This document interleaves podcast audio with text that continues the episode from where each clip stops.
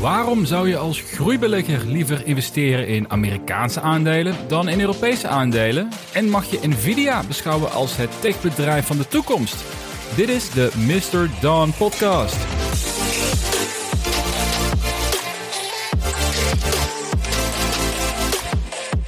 Welkom bij de Mr. Don Podcast, waar ik jou wekelijks hoop te vermaken en inspireren voor het beleggen in groeiaandelen. Mijn naam is Jasper en in deze aflevering heb ik weer een, eh, een drietal onderwerpen om te bespreken. Ik wil eerst kort toelichten waarom ik pessimistisch ben over de korte termijn, maar optimistisch over de lange termijn. Daarna wil ik kijken naar het beleggen in Amerikaanse aandelen ten opzichte van Europese aandelen. Wat zijn daar de voor- en nadelen van? Eh, zeker als je bedrijven hebt die enigszins te vergelijken zijn met elkaar. En dan afsluitend mijn ideeën over een van de populairste aandelen op de beurs, namelijk Nvidia. Die inmiddels op hun koers dieptepunt staan van de afgelopen 12 maanden. Dus is dit nu een aantrekkelijk aandeel geworden of is het verstandig om nog eventjes te wachten?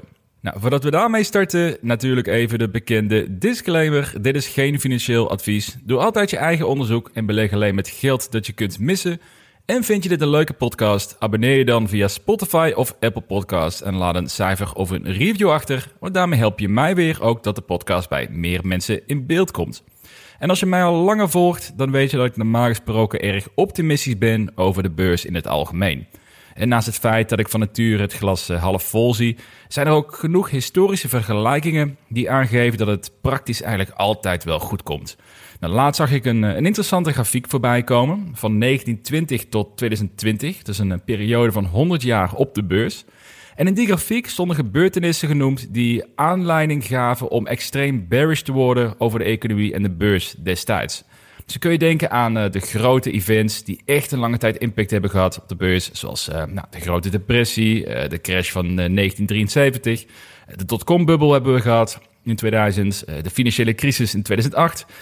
Nou ja, wat dat betreft meer dan genoeg momenten waarop de beurs echt even zijn jasje uit heeft gedaan. En waar het ook wel even de tijd nodig had om van te herstellen. Maar dit zijn dan vaak ook de gebeurtenissen waar men naar verwijst als het waarschuwt voor een, een grote aanstaande beurscrash. En uh, los van het feit dat ik vind dat je het sowieso niet kan voorspellen, was de grafiek die ik zag, gaf denk ik hele goede inzichten over, um, ja, over wat, wat voor gebeurtenissen, hoeveel impact die maken op de beurs. Want als je kijkt naar die vier events die ik net benoemde, iedereen kent die. Iedere belegger eh, die verwijst ernaar als ze bang zijn voor een nieuwe forse correctie op de beurs. Maar wat die grafiek liet zien, is dat er eigenlijk over de periode van 100 jaar er ontzettend veel gebeurtenissen zijn gebeurd die enorm impactvol leken op dat moment. Maar achteraf gezien ja, eigenlijk vrij snel weer zijn vergeten. Of waar de beurs ontzettend snel van is hersteld. Dus het waren dalingen wat uh, ja, echt maar van tijdelijke aard bleek. En dan kun je denken bijvoorbeeld aan de Tweede Wereldoorlog. Je hebt de, aanslag gehad op het World Trade Center en de opvolgende oorlogen in het Midden-Oosten daarna. Uh, de Europese bankencrisis van 2012. Ja, dat waren natuurlijk events die, als je daar nu op terugkijkt, waar natuurlijk enorm veel spanning en angsten van bij uh, op de financiële markten ontstond. Maar als je nu gaat kijken naar hoe snel de beurs zich hersteld heeft van die situatie, ja, dat is het eigenlijk niet eens meer bij veel, bij veel beleggers staat hij niet eens meer op de radar. En dat is best wel bijzonder, want het waren serieuze gebeurtenissen. En zoals ik zei, er wordt altijd verwezen naar die grote crashes. Maar dat zijn zo'n uitzonderlijke situaties dat het eigenlijk veel logischer is om te kijken naar de noem het even, tussen haakjes de gematigde events. Uh, als je ze zo mag noemen natuurlijk, de situaties die ik net, uh, net benoemde. En wat blijkt namelijk is dat de beurs veel sneller herstelt van dit soort situaties dan men zou verwachten. Natuurlijk, als je weer teruggaat naar de vier grote events, uh, de meest extreme, die kosten 25 jaar voor de beurs om een nieuw hoogtepunt aan te tikken. Dat was de grote financiële depressie vanaf 1929, ook weer bijna 100 jaar geleden trouwens. En natuurlijk is de beurs van toen totaal niet meer te vergelijken met de beurs van nu. Het gaat allemaal veel sneller. Uh, we kunnen iedere seconde kunnen we aandelen kopen en verkopen. Uh, we hebben alle informatie ter wereld kunnen wij op, een, op onze smartphone kunnen we lezen. We kunnen alles vinden over aandelen. Nou, dat was 100 jaar geleden natuurlijk heel, heel anders.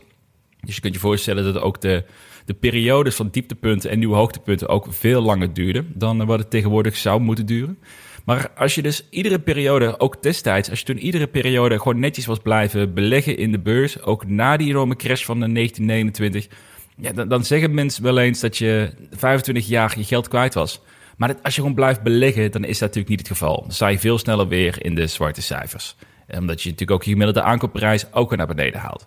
Maar wat ik vooral daarmee wil aangeven is, historisch gezien komen beleggers die op lange termijn inzitten altijd er wel weer bovenop. En ervan uitgaande wil dat je een, een brede marktindex hebt. Als je kijkt naar individuele groeiendelen, met name die, is natuurlijk een hele andere tak van sport.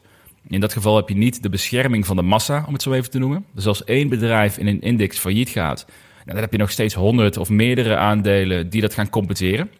Maar als je een geconcentreerd groeiportfolio hebt, eh, zoals ik dat zelf heb, of als je, dus bijvoorbeeld als je 20 aandelen of minder hebt, ehm, en één bedrijf gaat failliet, nou, dan ga je dat niet puur door middel van tijd ga je dat herstellen. Omdat die klap natuurlijk veel harder aan gaat komen. Dus dan zul je echt geld moeten gaan uh, vervangen bijna.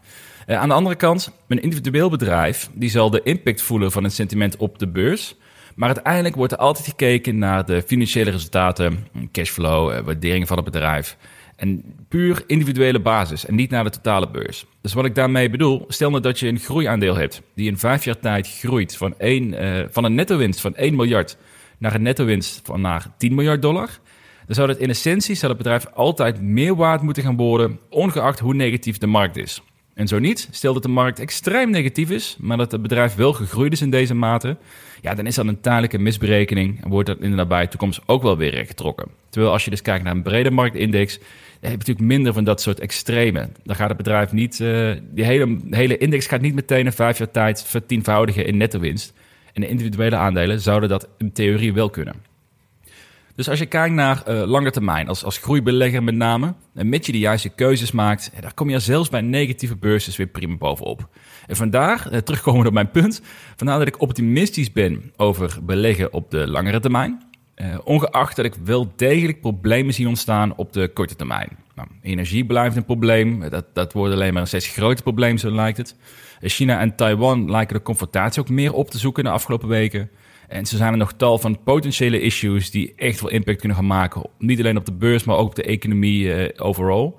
Um, die heb ik al vaker benoemd in afleveringen, dus ik zal die lijst niet nogmaals opnoemen. Maar het zorgt er wel voor dat ik voor de korte termijn in ieder geval iets pessimistischer ben.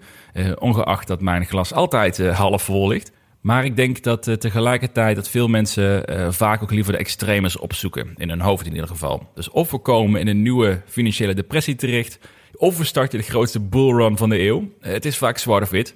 En ik denk dat het veel makkelijker is en ook lucratiever is voor veel beleggers om die geluiden zoveel mogelijk uit te zetten en gewoon te focussen op investeren in goede bedrijven eh, en dan gewoon regelmatig bedragen blijven investeren in je portfolio. Dus ik weet dat ik dit soort dingen vaker heb gezegd ook en ik wil niet in herhaling gaan vallen, dus misschien is het de laatste keer dat ik het heb over sentiment, in ieder geval de komende afleveringen. Maar ik vond het wel een, eh, een interessante gedachtegang, omdat ik het gevoel ook heb dat steeds meer mensen zijn het vergelijken met, met de grote events, de grote financiële depressie, uh, de dotcom-bubbel. En denken dat dat de standaard zou moeten zijn bij een serieuze marktcorrectie of bij een serieuze gebeurtenis, waar we nu waarschijnlijk ook in zitten. Maar wat blijkt, historisch gezien, dat er uh, dat uit andere events dat die kans heel klein is dat er zoiets groot gebeurt. En dat herstel vaak veel sneller komt dan men denkt dat het gaat gebeuren. En ik, wat dat betreft ben heb ik ook een beetje, uh, noem het even ik ben een beetje klaar met al die negatieve mensen die continu aan het rammen zijn over dat de grote financiële depressie aankomt. En, nou ja, dat, uh, en als dat zou, zelfs dan, zelfs als dat zou gaan gebeuren, ook dan, in het meest extreem geval was het dus 25 jaar. En als je blijft beleggen, kom je daar ook wel weer bovenop. Uh, maar ik denk het niet. Het is tijd dat je jezelf veel leuker maakt om te kijken naar mooie kansen, mooie aandelen met te investeren waar je in gelooft dan dat je zorgen gaat maken over factoren waar je totaal geen invloed op hebt. Dus uh, nou, misschien laten we zeggen dat dit een, een opwarmer was voor, voor deze aflevering. Met, uh, met deze gedachtegang, waar ik hopelijk wat meer die, nou, dat, dat ruis, het negatieve ruis hopen te filteren. Ik moet zeggen dat ik ook heb overwogen zelf om mijn portfolio te gaan beschermen. Door uh, short te gaan op de Nasdaq. Of een, je hebt ook een ARK Invest ETF die short is. Uh, die komen beide wat meest overeen op in mijn portfolio. Nou, ik heb vooralsnog geen short positie ingenomen. Al lijkt mij dat dat wel een aantrekkelijke optie. De Nasdaq staat nog steeds 26% hoger dan het dieptepunt in mei. En ik heb niet het gevoel dat de opmars definitief is ingezet. Dus sterker nog, ik denk dat de nieuwe low best wel haalbaar is, best wel mogelijk is dit jaar. Dus er valt genoeg mee te verdienen met een short positie. Maar ik moet toegeven, tegelijkertijd heb ik eh, met name veel geld verloren door short te gaan tot nu toe. Uh, ik moet zeggen, ik heb dat geprobeerd toen de pandemie vol bezig was, begin 2020. Veel geld verloren op het shorten van de AX. Dus dat, nou, daar heb ik misschien wel een beetje een uh, terughoudend gevoel nu bij. Maar ik moet zeggen, het is ook, het is ook veel aantrekkelijker en simpeler om gewoon long te blijven gaan. Dus dat, ehm, nou ja, goed. Dat is iets wat ik misschien wel in de komende weken een short positie kan innemen. Maar dan zal ik het wel laten weten via deze podcast of via Twitter. Uh, om in ieder geval mezelf te beschermen, mocht de beurs nog een keer eh, flink in elkaar kakken in de komende, komende periode. Maar dat is even als een, uh, een snelle opwarm introductie segment voor deze aflevering. En het is, het is best een druk weekend voor mij, dus ik heb niet al te veel tijd om uitgebreid op dingen in te gaan. dus laten we meteen doorgaan naar het tweede onderwerp van deze week. En dat is namelijk het investeren in Amerikaanse of juist in Europese aandelen. Wat is aantrekkelijker en waarom met name waarom doe ik zelf met name investeren in Amerikaanse aandelen als groeibelegger en niet in Europese aandelen. En ik kwam dit onderwerp uh, tegen door een vraag van, uh, van Gian via Instagram. Hij vroeg zich namelijk af waarom ik gekozen heb voor het Amerikaanse Origin Materials, terwijl we in Nederland een lokaal bedrijf hebben, Avantium, die praktisch hetzelfde probleem probeert op te lossen. En dat vond ik eigenlijk wel een mooie vraag om er ook iets breder naar te kijken. Dus vandaar dat ik kort stil wil staan bij de voor- en de nadelen van beleggen in, in beide markten. En dat wel dus bekeken vanuit een groeibeleggersperspectief. Want er zijn natuurlijk best een aantal bedrijven genoteerd aan de Amerikaanse beurs die een vergelijkbaar businessmodel hebben of een, hetzelfde probleem oplossen als een Amerikaanse evenknie. Dus denk aan eh, CM.com bijvoorbeeld, die kan je prima vergelijken met Twilio. Nou, je hebt Avantium, nou, die kun je dus vergelijken met Origin Materials, in ieder geval in, uh, op bepaalde vlakken. Eh, maar je hebt bijvoorbeeld ook een Kahoot aan de Noorse beurs, die je ook qua e-learning platform best wel kan vergelijken met het Amerikaans genoteerde Duolingo. Nou, waarom wordt er dan toch vaak voor gekozen om te gaan voor de Amerikaanse bedrijven om in te beleggen? En dat is een vraag die ik mezelf ook heb moeten stellen en ook wel even heb over moeten nadenken van waarom dat is. Ehm, ik denk de, het makkelijkste antwoord namelijk is, en ik denk dat veel beleggers dat hebben, is dat je heel snel leunt richting de Amerikaanse beurs, omdat je daar toch op een of andere manier een, een soort onbewuste voorkeur voor krijgt. Omdat er heel veel gepraat wordt over met name Amerikaanse aandelen. Eh, veel grote techbedrijven waar we dagelijks mee werken, zijn genoteerd aan de Amerikaanse beurs. Dus misschien dat dat misschien een reden is. Eh, maar dat vond ik iets te makkelijk om, uh, voor mezelf om dat als antwoord te geven op deze vraag. Dus ik ben gaan nadenken, wat is nou precies de reden waarom ik liever in Amerikaanse aandelen investeer uh, dan in Europese aandelen? En ervan uitgaande dat beide qua waardering en dat soort zaken natuurlijk vergelijkbaar is. En om simpel te starten, laat ik mijn redenen noemen.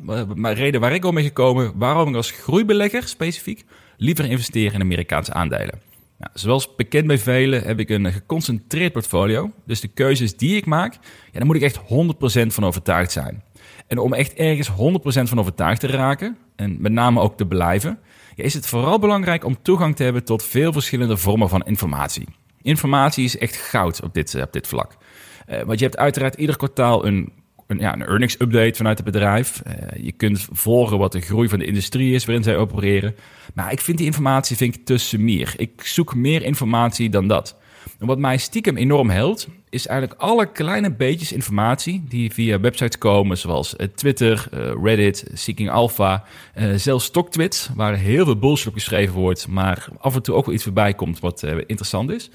En ik denk dat 95% van die informatie, die is inderdaad vaak nutteloos. Of dat zijn mensen die een, eh, een koers proberen op te pompen, of juist de short gaan op een aandeel en proberen negativiteit erin te rammen. Maar heel soms kom je achter informatie die je niet uh, op een andere manier of ja, gevonden hebt, of niet op het blote oog zichtbaar was. En dat zijn net die dingen die voor mij super belangrijk zijn, omdat ik, om, om mijn verhaal compleet te maken, zo moet ik het noemen.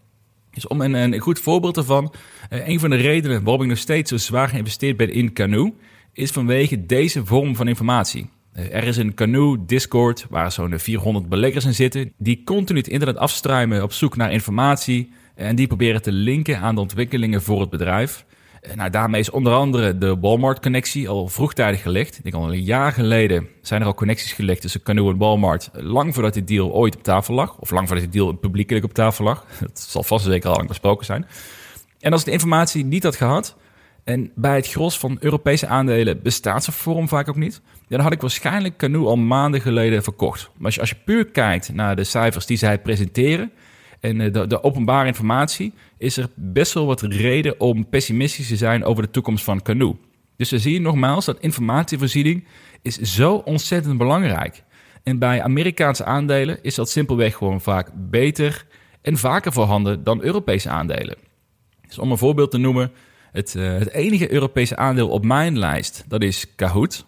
en ondanks dat dit een van de populairste aandelen is op de Noorse beurs, is er praktisch niets over te vinden. Er is geen subreddit die hierover praat. Op Twitter vind je misschien één of twee posts per week die hierover gaan. Voor de rest helemaal niets. Ja, dat maakt het informatievoorziening enorm beperkt.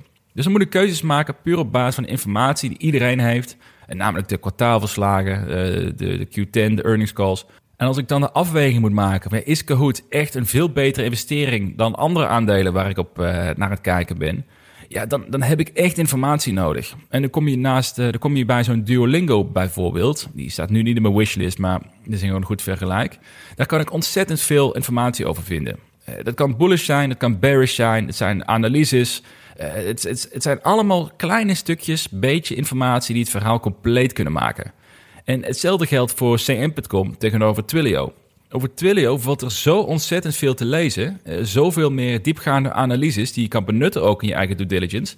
Ja, dit is echt een van de redenen geworden waarom mijn voorkeur uitgaat naar Amerikaanse aandelen. Met name dus omdat ik maar een paar aandelen wil bezitten. En daarvoor moet ik gewoon een sterk verhaal hebben voor mezelf. Om te kunnen kiezen voor, uh, uh, voor die investering, voor die keuze die ik daarin maak. En ja, ik denk dat uiteindelijk, omdat ik zoveel tijd investeer in het leren begrijpen van de bedrijven waarin ik investeer, uh, daar zie ik de waarde van informatie. En hoe minder informatie ik krijg, uh, des te minder comfortabel ben ik met een investering. Dus dat is voor mij gewoon een ontzettend belangrijk aspect. De tweede reden is de Amerikaanse cultuur rondom startups en uh, misschien wel een beetje ook het kapitalisme wat daar, wat daar heerst.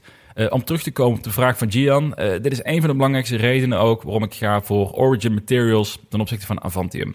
Misschien doe ik hier wel mee te veel aannames, maar mijn perceptie is dat Amerika veel meer open staat voor investeringen in startups, zeker op gebied van klimaat en technologie, dan in Nederland of Europa. Uh, Origin Materials verwacht echt een enorme bak aan subsidies en financiële steun vanuit de staten te krijgen, uh, waardoor zij geen extra geld hoeven op te halen totdat zij EBITDA positief worden in 2024. Ja, en dat gaat om vele tientallen miljoenen aan steun, soms wel honderden miljoenen. En dat voelt ondenkbaar voor een bedrijf zoals Avantium of voor de gemiddelde Europese aandelen, of Europese bedrijven moet ik eigenlijk zeggen. En misschien denk ik dan te negatief over het ondersteunende klimaat in Europa en te positief over het, het kapitalisme in Amerika. Maar dat is wel een van de redenen, die overtuiging, gecombineerd met mijn vorige punt, eh, waarom ik Origin Materials denk ik een betere belegging vind. Omdat zij gewoon waarschijnlijk medisch steun gaan krijgen dan Avantium dat gaat krijgen. En bij een groeiaandeel die jaren nodig gaan hebben om echt schaalbaar te worden en uh, bewijsvoering aan te leveren dat het een, het businessplan werkt, ja, is zo'n steun echt cruciaal om succesvol te worden. En het laatste argument voor Amerikaanse aandelen, dat heeft te maken met de hoge bereidheid tot investeren. Met als gevolg dat de waarderingen vaak veel hoger zullen zijn dan die voor Europese aandelen. Nou, in essentie maakt dat natuurlijk niet uit. Want Amerikaanse aandelen die zijn misschien, of die worden misschien uiteindelijk hoger gewaardeerd, maar je betaalt er natuurlijk ook een hogere prijs voor. Hetzelfde met Europese aandelen. Ze zijn wellicht goedkoper op papier.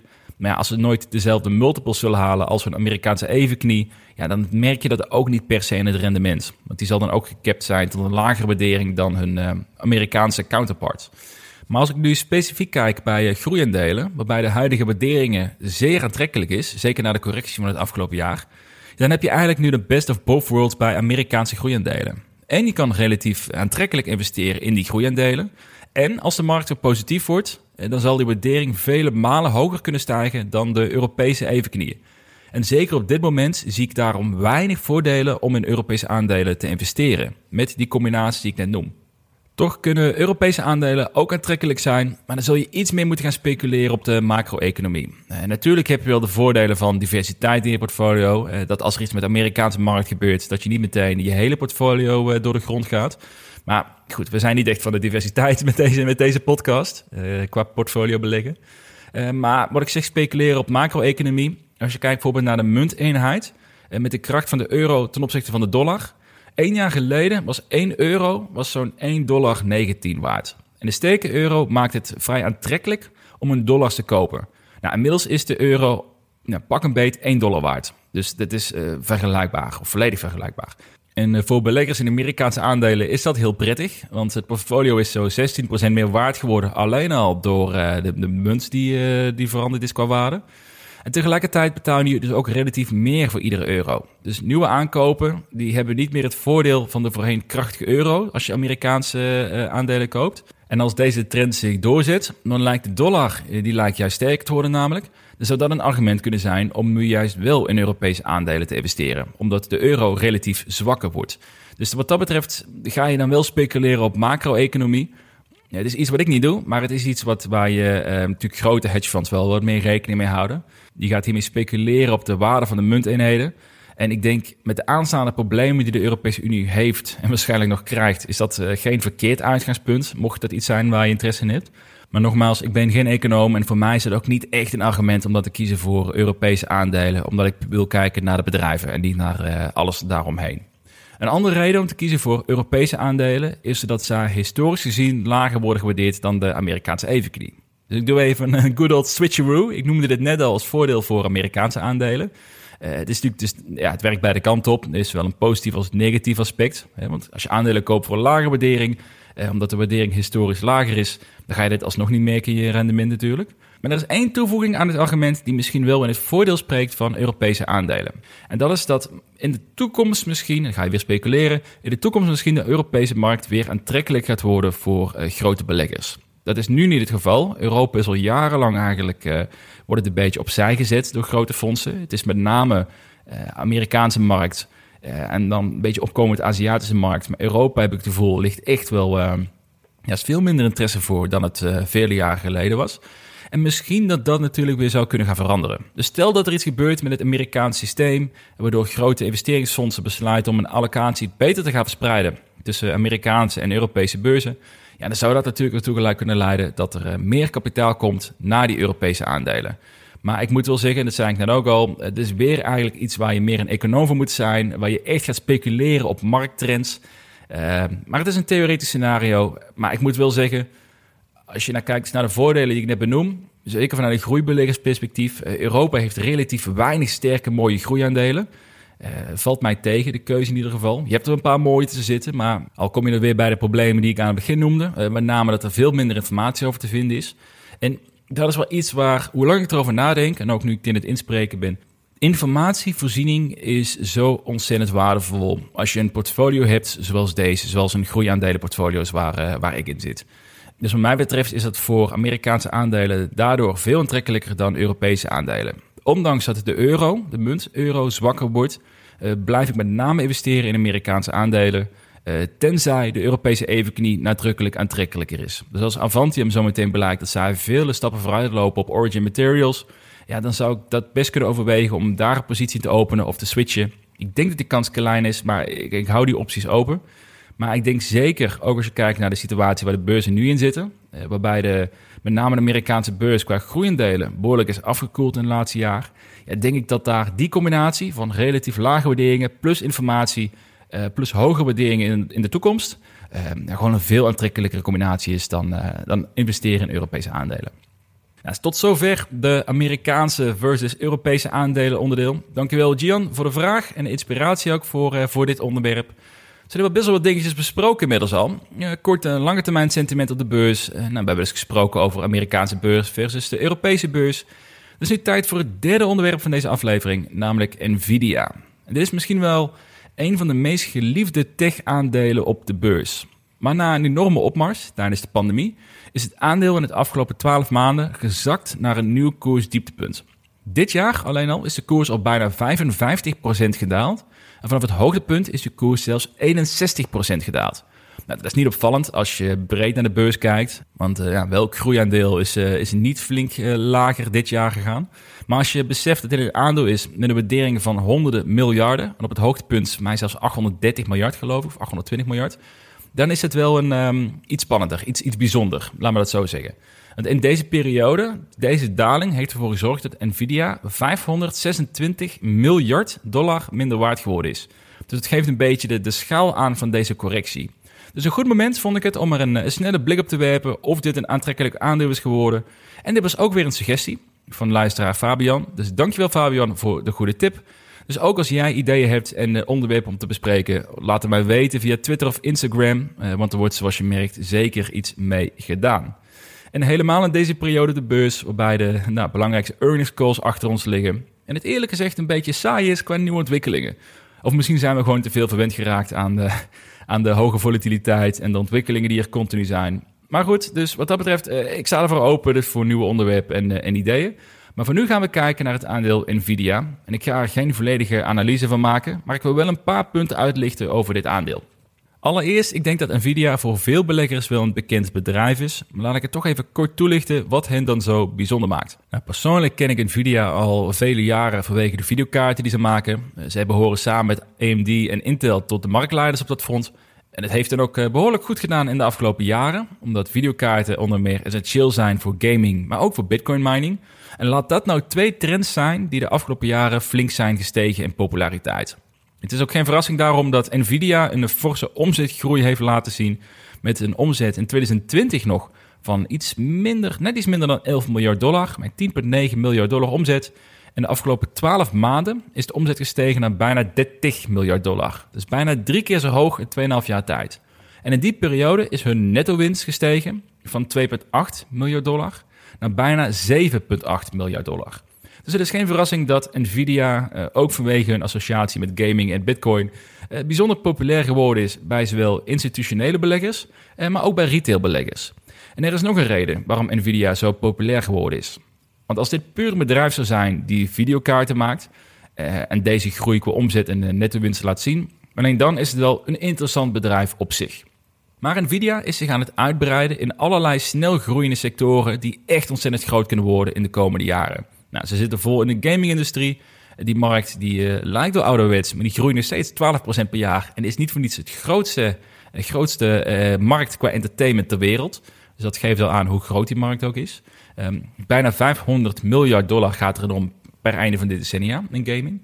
Maar ze investeren ook fors in artificial intelligence. En dat is een markt die 1,2 biljoen waard gaat zijn uh, eind dit decennia. En jaarlijks 38% gemiddeld groeit. En dan zitten ze ook nog in zelfrijdende auto's. Iets wat onze manier van transporteren echt volledig op zijn kop gaat zetten, denk ik.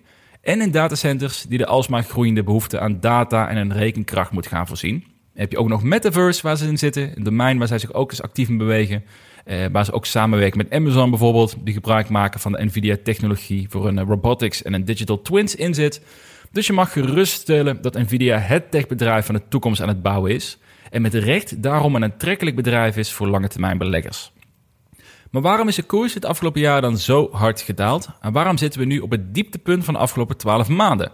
Nou, allereerst heeft natuurlijk Nvidia, net zoals praktisch ieder techbedrijf de beurs, een uh, enorme klap gekregen door het allround sentiment. Nou, een koersdaling van uh, eh, 60% is geen unicum in het afgelopen jaar. Uh, lijken wel meer groeibedrijven lijken 60% gedaald dan degenen die niet zo groot zijn gedaald.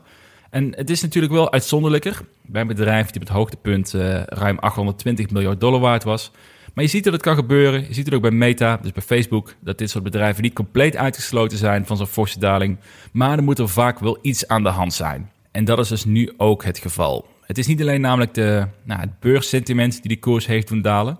Uh, de grootste aanleiding namelijk is een uitermate zwakke Q3. Wat een serieuze trendbreuk is ten opzichte van twee vorige kwartalen. Eh, waar de beurs een, eh, een omzet had verwacht van 8,2 miljard in het afgelopen kwartaal, heeft Nvidia eh, twee weken voorafgaand aan een earnings call hebben zij een, waarschuwing moeten uitsturen. Vanwege tegenvallende omzet, in met name het gaming segment, bleek de Q2-omzet namelijk niet de, in de buurt te komen van de verwachte 8,1 miljard, maar slechts 6,7 miljard dollar. Nou, nog steeds 2,9% omzetstijging ten opzichte van een jaar geleden, maar niet die 25% groei die werd verwacht door de beleggers. En voor het eerst sinds Q2 2020, uh, dat was het hoogtepunt van de coronapandemie, dat mag je in ieder geval zeggen qua, qua stress en qua problemen met transport, heeft Nvidia, voor de eerste keer sinds toen, heeft Nvidia minder omzet behaald dan het kwartaal ervoor.